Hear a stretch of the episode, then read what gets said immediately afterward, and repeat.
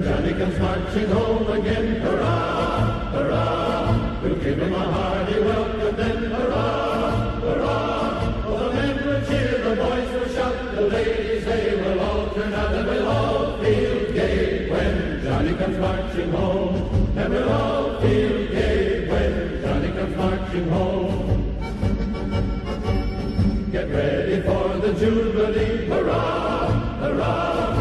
give the hero three times three, hurrah, hurrah. For the war breeze is ready now to place upon his loyal brow, and we'll all feel gay when Johnny comes marching home. And we'll all feel gay when Johnny comes marching home.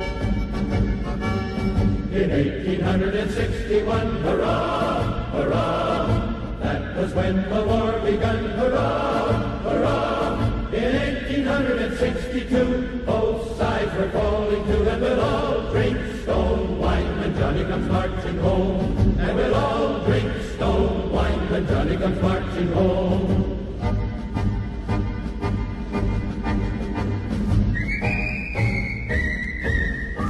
Dobrodošli in pozdravljeni v novi epizodi podcasta Intimni, dela platforme Maribor is the Future. Nahajamo se v GT2 v studiu Europe Radio. Pravkar smo si ogledali tretjo predstavo v sklopu Abonmaja Mamo in sicer je to predstava animiranih objektov Plastični junaki Ariela Dorona. V studiu so danes z mano uh, somoderator Žiga Brnik, Pozdravljeni. Ariel Doron Dobri dan. in Nika Bezeljak, Zdravo. tehnično pa nas bo uh, opremljal Urban Ambrožič. Uh, treba je tudi omeniti, uh, da je današnji podcast sneman pred občinstvom, ki je seveda vabljeno, da sodeluje s vprašanji in replikami. Um, pogovor pa potekal v angleščini, ker imamo vseeno mednarodnega gosta. Um, so first, I would like to introduce uh, Ariel, who is a puppeteer, uh, director, and a performer. And in his uh, work, he's using uh, very little text and a lot of playfulness. Uh, he finished his bachelor studies in Tel Aviv, uh, uh, uh, film studies, and uh, later he uh, participated and attended several different masterclasses and workshop in the workshops in the um, field of puppetry. Uh, uh, currently, he is living in Germany and uh, cooperating with several different theaters. Uh, to wider uh, Israeli public, he's known as uh, Elmo in the uh, Sesame Street, Israel. And um, we're very happy to have you here. So, welcome in Maribor and in Gete. Thank you very much. And now I would like to um, give a word to Nika um, to elaborate something more about the Mamo Abonma. Yes, I will switch to Slovene now again. Okay? Mamo abonma je uh, uh, mednarodni abonma mariborskih organizacij. Uh, predstava Plastični junaki je bila tretja od štirih v tej sezoni. Um, to je združen abonma različnih mariborskih organizacij, letos uh, gledališka edicija. Um, ime pa namenoma toliko široko, da se to lahko razširi še na druga polja. Gre za to, da se pokaže neko pozitivno gesto sodelovanja javnih institucij in nevladnih organizacij. Uh, letos z malo manjšim številom abonentov, ampak uh, vsako leto boljše. Uh, tako da imamo, vseeno je neka reakcija, ko smo zadevo zaštartali, bila končno ga imamo. Um, uh, so to switch back to English and to, to continue with the podcast and the talk back. Uh, I mean, it's a season ticket. Uh, uh, that it's uh, international in terms that we are inviting international performances. Um, so this is the third performance in this season, and Moment, which is one of the partners of the season ticket, invited Ariel, and let's listen. How you will talk with him? Okay, it may be more interesting. Okay. So, uh, one part of uh, Mamo Abonma is the um, lottery. Uh, win, and which uh, each uh, um, uh, audience member gets a ticket, and then afterwards you can claim your reward. And one of today's uh, rewards was um, to participate in the, uh, our discussion uh, with first question. Um, and here is Mila, um, who has the honor to do it. Okay, so hello. Uh, I would just like to know how the reactions to your performance differ from country to country. Um, that's a good question. I think it's very, very changing, and I don't know if I can really divide it by country. Many times, every audience in every performance has a really different atmosphere. I think um, if I play in a place where it's younger audience and they have a bottle of beer in their hand and it's not the most official place, usually the show is very funny. And if it's uh, more serious and people dress up nicely, then usually it's less funny. um, but I do think this might have something to do. Now we just talked uh, here about uh, that it was relatively today a serious show and mm-hmm. less funny in the reactions of the public. Mm-hmm. And I think some countries depends a bit on the relation of each country to war and how much it's fresh mm-hmm. and what memories people have or if they served in the army or if they experienced war and then I think the reactions can really change. Um, I also find that but it can it's also interesting because I think some countries who experience war are much more sarcastic about it. And many times when it's really far, people feel really bad to laugh about certain things. And for example, I remember I played a show in Finland, which has a complex and horrible history, but not in the recent years. And um, I have no memory of my memory right now. Wait, what did I start saying? Sorry. Um, About Finland. Finland. Finland, yes. And I remember somebody came to me after the show and said, You know, it's so great what you do for peace. And I was really close to laughing, like, but I was breathing deep and being polite and saying, Yes, yes, thank you. Because I think in Israel, nobody will ever tell me that because yeah, peace is not even something you can dream about right now. And uh, I think we're much more sarcastic about it. And I think this show is nice and maybe brings nice thoughts to people, but it's more therapy for me, I think, and a way to communicate with people than I really think this show will make peace. Okay. Thank you. Thank you. So obviously you served uh, in Israeli army and you used the show as a therapy. You said, I don't know if it's because of the army, it's because of life generally. but you have like a three-year term Yeah. for men. So Mhm. how much did you take from the real experience? I think it's somehow less about my own personal experience and more about the way I experience uh, society. I guess it's in many places like this, but also very much in Israel that the society is very much militaristic and very much idolizes the role of the hero and being heroic and being a fighter. And I think that is very much there. Um, the way we idolize and think how great war is, and at the same time we we say it's horrible and we don't want war, but something in the culture really glorifies this myth of heroism. Yes, in uh, terms of that, for me, it was really um, American because uh, American movies about war is the closest I came to war. Uh, through some experience, I experienced no war. Um, yeah, thankfully. Um, but uh, you know, it's uh, so it reminded me a lot of some of uh, how war or heroism is portrayed in movies. Uh, for example, with the um, um that's my favorite part, part uh, the Skype uh, uh, call uh, uh, to the wife, where first everybody is happy to see, and then uh, uh, it starts uh, uh, cracking, and then she remi- uh, she gets reminded that this might be the last time they speak, or that the noise might be uh, uh, uh, uh, from the uh, um, uh, war and not from just the bad connection. Uh, and it's a great uh, uh, reflection uh, on the you know like um, commentary actually um, on how it's portrayed, and I don't know if it is like that.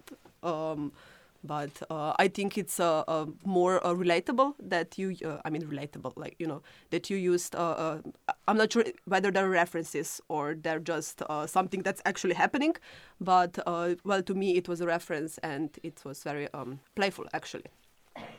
Well, I think there are a few things I can say about that. That one is that it's very much a big reference to American movies, and even in Israel, I play it in English.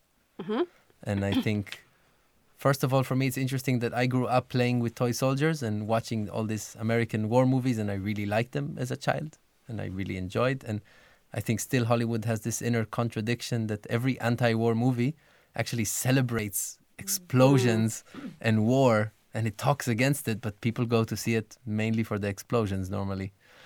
Um, and the second thing is that I think it really helps to try to talk about society and very specific, even local issues, to go more far. Because if you go really, really into daily life and what happens today, I think artists since forever do that and do this for estrangement also. And then it's it allows me also to look in a different way when I try to speak about something general or American and think about how it relates to me. I think if I do a show that talks really about specific uh, local things, then I think my audience is much more narrow from the beginning and people are less open to really listen also to what I have to say. Yes, I, I could agree with that, but uh, uh, you said that today was very serious audience, and you played in Slovenia two years, two and a half years ago. Was it similar? Is it that uh, Slovenian audience is uh, serious, or was it just two days? I think relatively Slovenian audience is uh, serious in my small experience with Slovenian audience, but uh, it's not necessarily a bad thing. Also, Of course, of course. I also played in some hippie festivals where they just laughed, and I felt that they don't get any sad thing; they're just happy. um, when I saw your uh, this performance uh, four years ago for the first time, I was uh, mainly fascinated by the um, structure of the performance, or how you used toys, or what an amazing idea to use something ready-made and then made it uh, a, a- a performance out of it, or use it as a um, you know not uh, puppets uh, like marionettes, but uh, puppets that are animated objects. And now uh, I'm I watched it for the third time if I um, count the recording. And now I'm actually mainly thinking, why do we have these toys? You know, like why do we have soldiers as toys for four-year-old boys, and why do we have Barbie dolls as toys for girls, which make unrealistic um, presentation of the society and world and body image and so on. So, I, Yeah. yeah. I think it's horrible, and I think that somehow the way I started to do this show is a connection of a lot of things. But I actually found a really small, sweet cat, a baby cat. He was really a few weeks old, or maybe a month and a half. And then I asked the veterinarian. I I took the cat home, and I asked, okay, what what should I take care of? What should I do? And the veterinarian said, actually, usually at this age, the parents of the cat would play with him to teach him hunting skills. So you should play with him a lot and I never thought of actually teaching a cat, playing with a cat as actually teaching him hunting skills.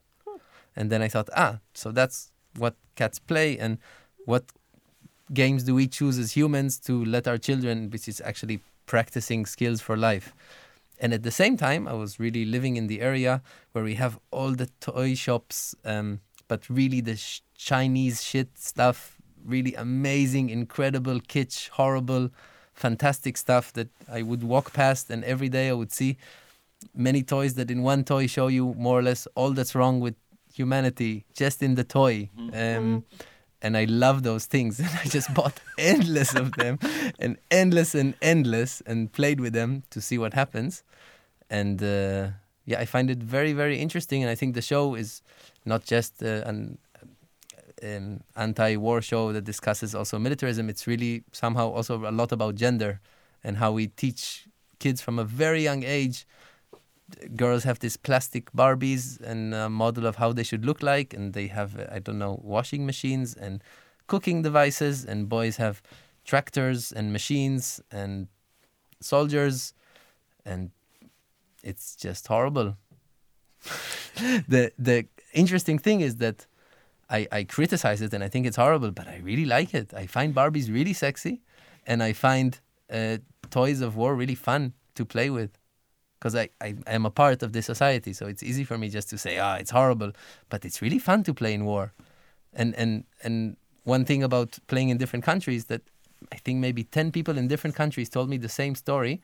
They came to me after the show and said, you know, I work in a kindergarten and we decided that kids are not allowed to have any toys of weapons, but they just took a stick and did boom, boom, boom. And it's something in our nature that we like to do this horrible stuff also. And I, it's oh. interesting to look at, and it's horrible that we have these toys. Okay. I was not prepared for that. Which did you have? as For a boy? what? for such a uh, you know uh, complex uh, answer, I thought it would be like, yes, this is bad. Uh, the gender uh, role stereotypes are bad. Uh, the plastic toys that, with weapons are bad. I you know didn't um, expect it to go in a way that it's in our nature and that we have to. And this is like the whole new level Yeah, okay. that we I- have to I- discuss now. I think it's horrible and I judge it. I just see on myself that I'm part of the. I was raised into this. So you would say it's a, a consequence of the, or Yeah, I, I, I didn't say now that I think humans are meant to kill each other and uh, be sexist. I just no, I, I, I know. um, I think it's just an interesting thing to look at. That's what I meant. I criticize it endlessly, but at the same time, I know I'm part of this. So I can't separate myself from this. I enjoy uh, playing in war games and undressing Barbies in the show. It's something that I'm born in this society. I can't just ignore it. And which of these toys did you had as the as a boy? More war toys or more Barbies? I have every, I had I remember everything. I had Barbies, I had soldier stuff, I had uh, my little pony. I really had a lot of different stuff. But is it kind of a do do you get as a boy a soldier in Israel? Is it usual? Uh, as a boy, I don't remember. but I think I think nowadays actually these toys look a bit uh, anachronistic. Anach- you say that word? Yeah. Um, but actually, I think if you look at um, games uh, p- kids play, like Call of Duty, and although I don't know how it's called, I'm not in that world of gaming, but it's basically war games, and they're Mhm. soldiers, and they're killing each other or helping each other kill other people, or something like this. And I think somehow I have a theory about this that soldiers were a bit replaced with um, superheroes, all those comic characters today, which is more or less the same.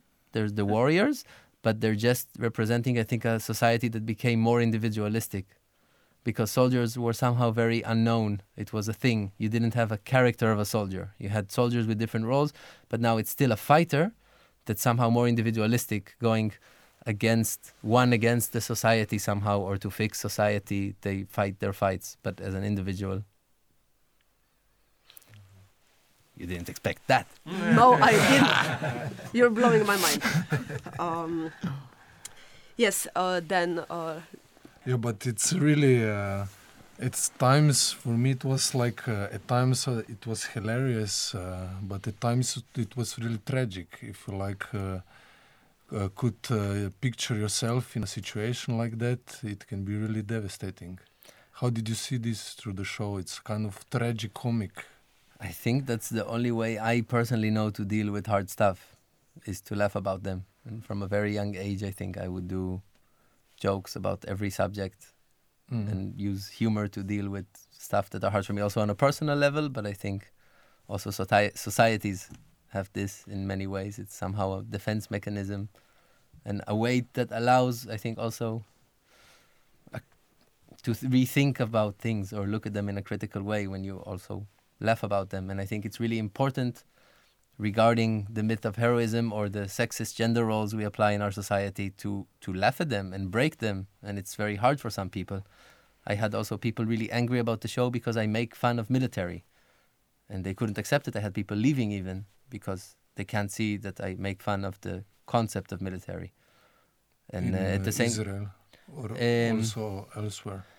Elsewhere. I had people leaving sometimes but i don't know to tell you exactly why. Maybe they were bored or angry at something else. But i think it touches some taboos uh, for some people. And for example regarding gender issues then i have a scene where i undress a barbie and that is really hard for uh, some people also to see it. That's a scene that really some people find funny and some people find horrifying. And i find it this duality is what i find interesting to talk about because it's horrifying and at the same time there is something we are so taught to think that this thing is sexy and pretty and right that it's in our system somehow. I, I, I, I really feel somehow bad for what we talked before because I want to make clear that I am really against no, it's okay. many things in our society and the way toys are made. It would be nice if there will no be more blue and pink uh, in gender roles and no more Barbies or soldiers at all. But I think this duality is also something a contradiction that at least currently we have in our society, which is interesting to explore. And is there, well, for me, the most tragic part by far was the tiger dying. Like, no question about it. Uh, but for sure. It's like Lion King all over again. Horrifying. Um, but uh, my question uh, would be um, because the tiger is stuffed animal and all the others are plastic toys, and also the tiger has no uh, gender role. So is that uh, obviously it's intentional, but um, why or what? Uh, you know, it's like tiger your favorite or why uh, is it I can answer it in many ways, but generally, I really like cats, okay? and uh, for me, it's just a cat. Okay. and uh, yeah, I think a cat was uh, something I played with as a child, but someone I played with as a child, not a something. And somehow in this show, it's also um, yeah the only puppet in a plastic plastic object world. It's the only puppet that's really animated in a way of life. Don't really. Sorry, I'm not used to podcasts. I, somehow my brain gets frozen at some points. It's okay. Ur- Urban will cut out all the silences. Don't worry. um, yes, I don't know how it really happened, but it, I think that yeah, he's somehow the most. It's funny because also this tiger is completely made in China. In a, uh, you can find endless of him, but he's somehow the the individual in this show. In the the world of the show, he's somehow the only one that really stands on his own, and there's not more like him. And uh, the tiger uh, part was uh, interesting for me uh, uh, also because uh, this is the first time when you know you're hugging when, the tiger is hugging you. Afraid. This was the first time that I thought, what what's happening with animals in the wars? Like not once in the 27 years of my existence I thought of that or was concerned, and and now it's like no, poor them. Actually, now you bring back a childhood memory, which was when I was maybe six or seven. It was the Gulf War. So United States and Iraq had something, and Iraq said, I, I don't know to tell you exactly what happened there. I wasn't enough involved in politics. We were in, uh, there were sirens once in a while, and we had to go to the shelter. And there was one shelter for the whole floor. We had like four apartments. We were my family was one apartment. We had three more apartments with neighbors, and every time we had like one minute to get to the shelter, and uh, we had a cat then. His name was Chips, and he was really not into going to the shelter. He was hearing a siren and he was quite scared. And I was always running after him, thinking, "Oh, I need to catch him really fast because he has to come with us to the shelter." Did, did you manage? Yes, but uh, yes, but anyway, I think it was scary and annoying to go to the shelter. But I don't think n- nothing really hit us. And But what, the cat survived at the end. No. Yeah, yeah, but it was also and what happened after one minute? So here I am. No, I think generally you have like this. Um, it's this. th- No, it's the electronic. Uh, you know, also you can have it for earthquakes, I think, or tsunamis. If you have an electronic system that recognizes it's coming, it's like uh, the missile will enter the country's airspace in one minute. So if you're not in shelter by then, then uh, it could theoretically hit, and then you're not protected.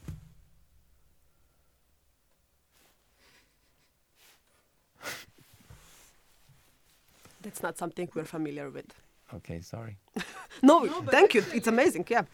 It's amazing. know that uh, um, we're having the experience, you know, of um, you sharing this um, stuff with us.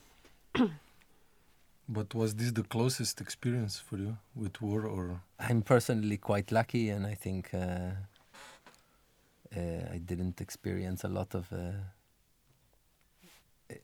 I think more a general state of anxiety and stress all around, and but uh, less close stuff. I think um, Israeli citizens citizens living in some cities in the last years have endless missiles all the time, and Palestinians have really endless, endless horrible situations Mm. that they deal with on a daily basis. But me personally, so far, was not in yeah, it's funny. I think our definitions are also different. That's what I talked somehow about sar- sarcasm because I think in some areas of the world people are much more used to also okay there was a siren, it's this and uh, for you it's like everybody became quiet when I told the story, but it's like it's it's somehow also part of life. But I'm lucky I can also say it as part of life and not suffer anything severe from it like other people do all the time. Mm. Should we open up for the audience? Uh, yes, uh, Zoran started with the question already. Do we have any other candidates? Uh, uh, how long did you do the show? How long? How long was the process? Uh, so we were asked how long was the process of making the show. I think no, the volume wise, I don't know if audience heard that, and uh, I think it was like three and a half years or something like this. But I didn't work so much. It's just I bought toys I liked, then I forgot about them, then I did like five minutes, then I did other stuff. Then a year later, I found more toys I liked. I did a few more stuff, and then it was a bit like this for two, three years, and then like maybe two months intensively, I worked on it. But were you buying the toys intentionally of making a performance about war, or did that also happen? I think generally uh, every puppeteer and many types of artists know the thing of collecting stuff, whether it's material from the garbage or toys in shops or something. And I had endless, endless, endless stuff that did not make it into the show. Um, actually, at the beginning, I called the show Soldiers and Sluts. And it was much more about gender roles, and it was endless pink stuff also that did not make it in the show and lots of Barbies, and lots of washing machines and hair dryers. And at one point, it somehow became about the soldiers.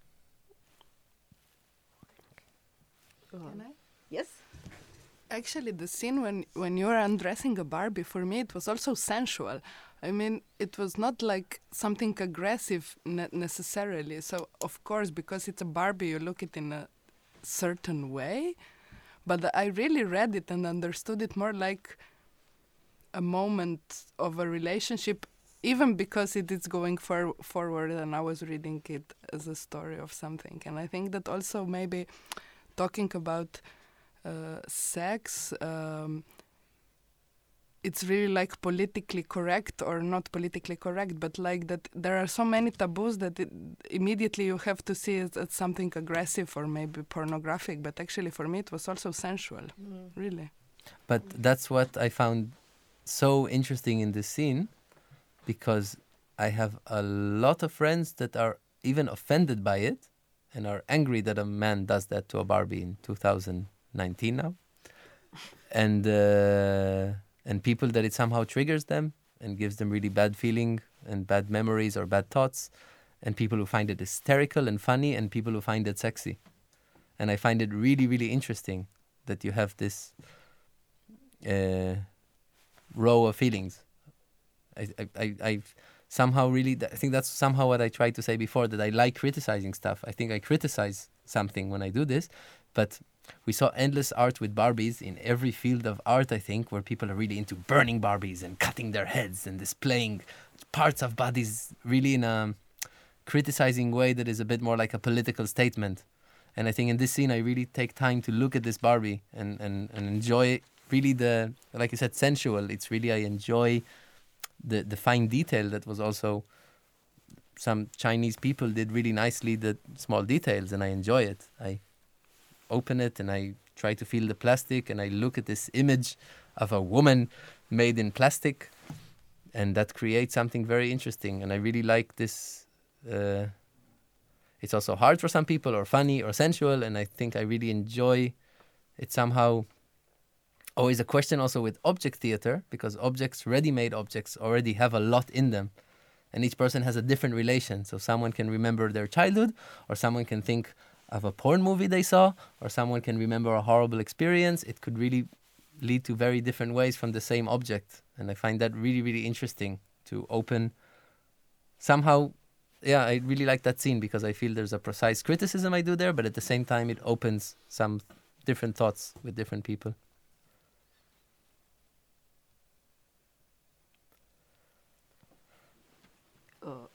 Any more questions?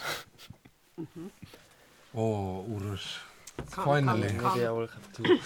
Uh, do you- do you do you usually work with uh, objects or uh, do you um, make your own puppets? I can make puppets, but they look horrible.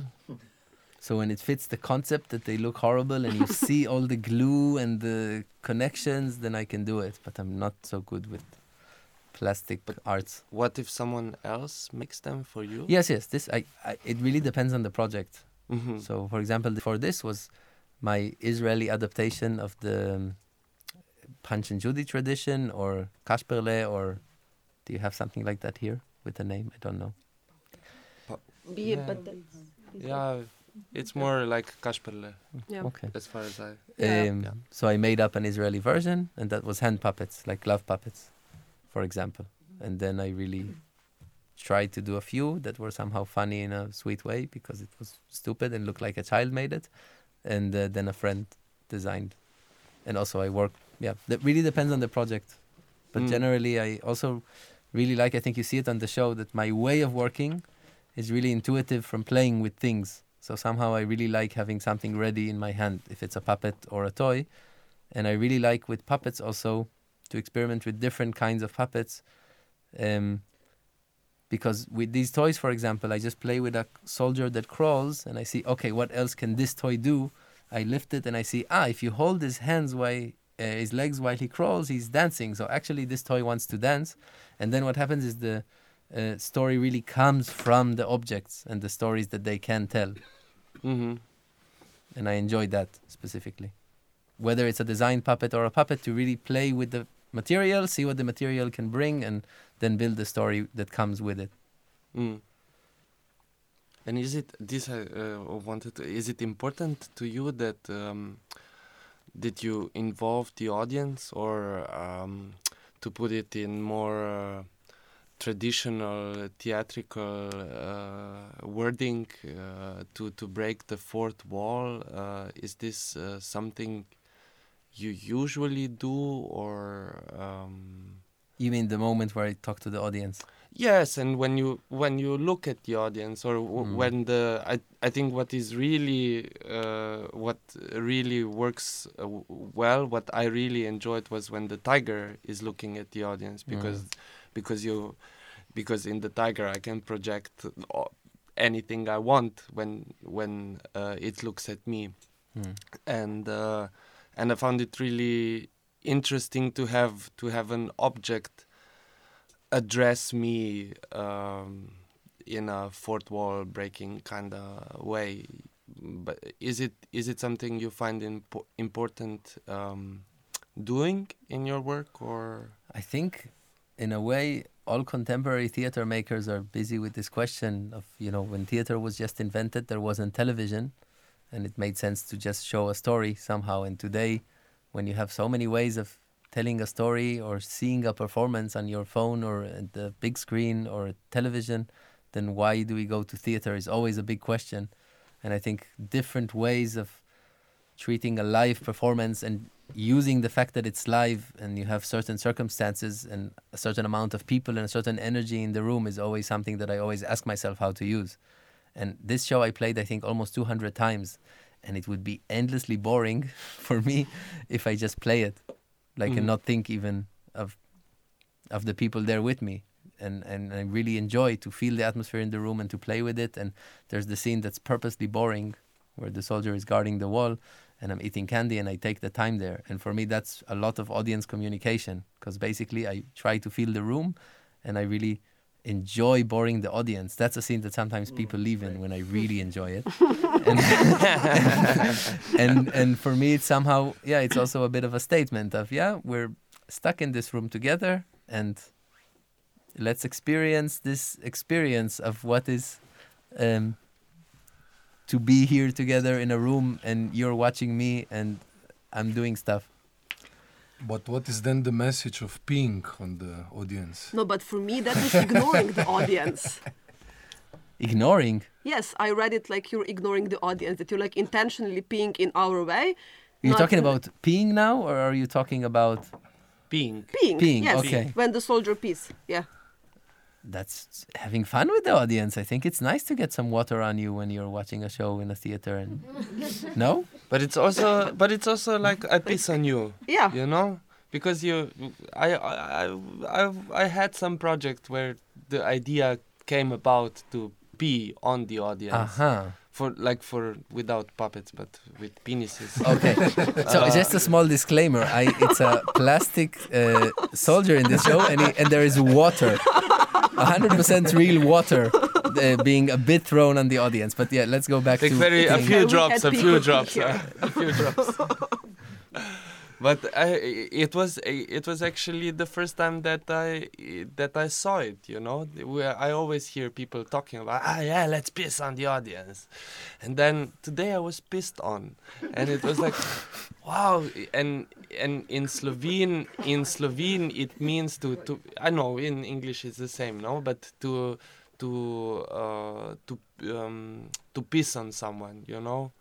Uh, and and I found it ah, ah it's so funny and but at the same time mm, so um, it opens a lot of um, um, associations and and and ways to to read when when you get pissed you know That's on- true, but no? I'm pretty sure that you wouldn't be so entertained if you would be actually pissed. Yes, I know, I know. This is why I think it's cool that uh, that, uh, You that a puppet can can piss on me, you know, without having Ariel's urine in the syringe, you know. I- I think puppets. maybe can, next time, you know, if the audience is like really cranky, just change the syringe and you can. or I just stand up and Sorry. Smart. Yes, Uroš, fetish. Yes, also, uh, next time you're here, please make sure I don't want to be peed on. I, I'm not curious about that experience. Just like focus on Uroš. okay. Aim at him. Nika? No, it's just so completely irrelevant everything that I say about this scene. No, no, yes, come back. Uh, no, uh, I mean I didn't read it as that we were peed, pissed, peed on, but okay. I wanted to say You were well, sitting more far. I just want to mention. yeah, that's true. That's true. Uh, I didn't get wet. Uh, uh, no, but but I wanted to say that I like also the, the because you said that you take time with this scene, and that you know that it can also become boring. But for me, I like this in puppet shows that um, people take time or that scene scenes are longer because it's tended to be like rhythmic all the time and fast and to do things really uh, fast so that it wanted to be a comment not a question actually but i will uh, go further to ask you a question yes. because i saw um, another show from you which was really um, how is the english word uh, um, In Slovenian. Yes, I don't even find it in Slovenian now. Uh, interactive. Uh, yeah. Um, and uh, you were a director there. What's the difference, and how do you experience when you, you work as a director and when you do your own projects, also playing? Wait, I, I need to to understand the question. Are we talking now about Besucht, Zeit Zeit. vorbei? Yes. yes. But is the question generally how is it different for me to play or direct, or something about interactiveness? I just made like a bridge because we were sp- Uroš talked Yes, yes. uh, and asked how you want to, to relate to the audiences, and then I remembered the, the performance and that that you were in an, another role. So the question is, how is to work as a director hmm comparing to work as a um, Actor, performer? director. I mean, to to work on your own project when you are Yeah. doing everything, or were you directed in s- any other project? Uh, were you in a position that Mhm. somebody directed you? Yes, in many ways, yes. But in, in really personal projects like Plastic Heroes, I think I, two, two or three friends even worked with me and sort of directed me. But it was really a work. Um, it's somehow still very personal, and I think it's very different when I direct other people. Maybe I'm more free to I'm less busy with how I'm playing, and I'm more. Somehow it allows me even to explore the aspect of interactivity, maybe even more, because I'm more free to think, how will audience perceive this, or to look when audience is there, how you perceive it, and really, I'm not thinking at all of what I need to do next, but I can just see what happens and and plan accordingly. Don't know if that's an amazing answer. That's what I can do now. I guess I can say a lot of interesting stuff about your question, but maybe I need help with more small questions. Hmm. Yeah, but this was in regard to interactivity. What about the general, uh, like, uh, you know, I I guess uh, when you direct someone or when you are the sole performer or. I don't know if this was your question, but it- this interests me. Okay, so, I, I, yes. I will not. Uh, So what is your question? Uh, no, but uh, uh, how it is to direct someone or to to be the author uh, um, Mhm. and performer. I think I really enjoy performing. It's really fun, and it's a whole different thing. But when I just direct other people, I think the fun thing. First of all, I never just direct. We always work together somehow, and it's uh, um, based on a lot of improvisation and working together. And then it's really, really fun to see what comes up and think what is possible to do with it. The frustrating part of it, frustrating. I don't know how to say that. Um, is that when I play something, I can always change the rhythm and I have a feeling to it. And then I always, when I see actors perform something I directed, I always think like, "Mm, now it should be like two seconds faster and it will work. and now it should be a bit more sad. And then I, I'm a bit, um, I can be pedantic in this. But the nice thing that directing teaches you, and that's really the nicest gift I think uh, I got from directing shows, is that you have to focus on understanding what's the most important thing for the piece because I can see it the same thing. Also, if I look at videos of myself, by the way, it's I suffer. I look if I would look at the video of the show today, I would say, "Oh, this is wrong. Oh, pff, this should have been this. Ah, this I should have done that." I would be really strict. But I think directing really helps you to focus. Usually, also, you don't have a lot of time to direct a show, so you need to really fast focus on really what's the essence of the thing, and then work together with the people to just. I don't know. I have a sound. It's like to the thing, and that's really fun. Does that answer something? Yeah. And if that's it, then um, we would end this formal conversation and then we can continue in less formal Settings. settings. Ah, you mean without the microphones? Exactly. Okay. And with the beer. And with the beer. And that. Good. We don't have beer, you can have wine. Good. Yes. We can go some other place with Or that, or that, or that. so, uh, uh, thank you everybody for coming and listening to us. Thank you, Ariel, for participating. Thank you, Giga. Thank you, Urban. Thank you to Uroš and Nika. Um, And and Mila, and. Mila, sorry, sorry. Yes. For the first question. Uh, yes. And to you for everything. Uh, and that's it. Yeah. What is it good for? Absolutely nothing. Uh-huh. Huh. Yeah. What is it good for? Absolutely nothing. Say it again, y'all. What is it good for? Absolutely nothing. Listen to me. Oh,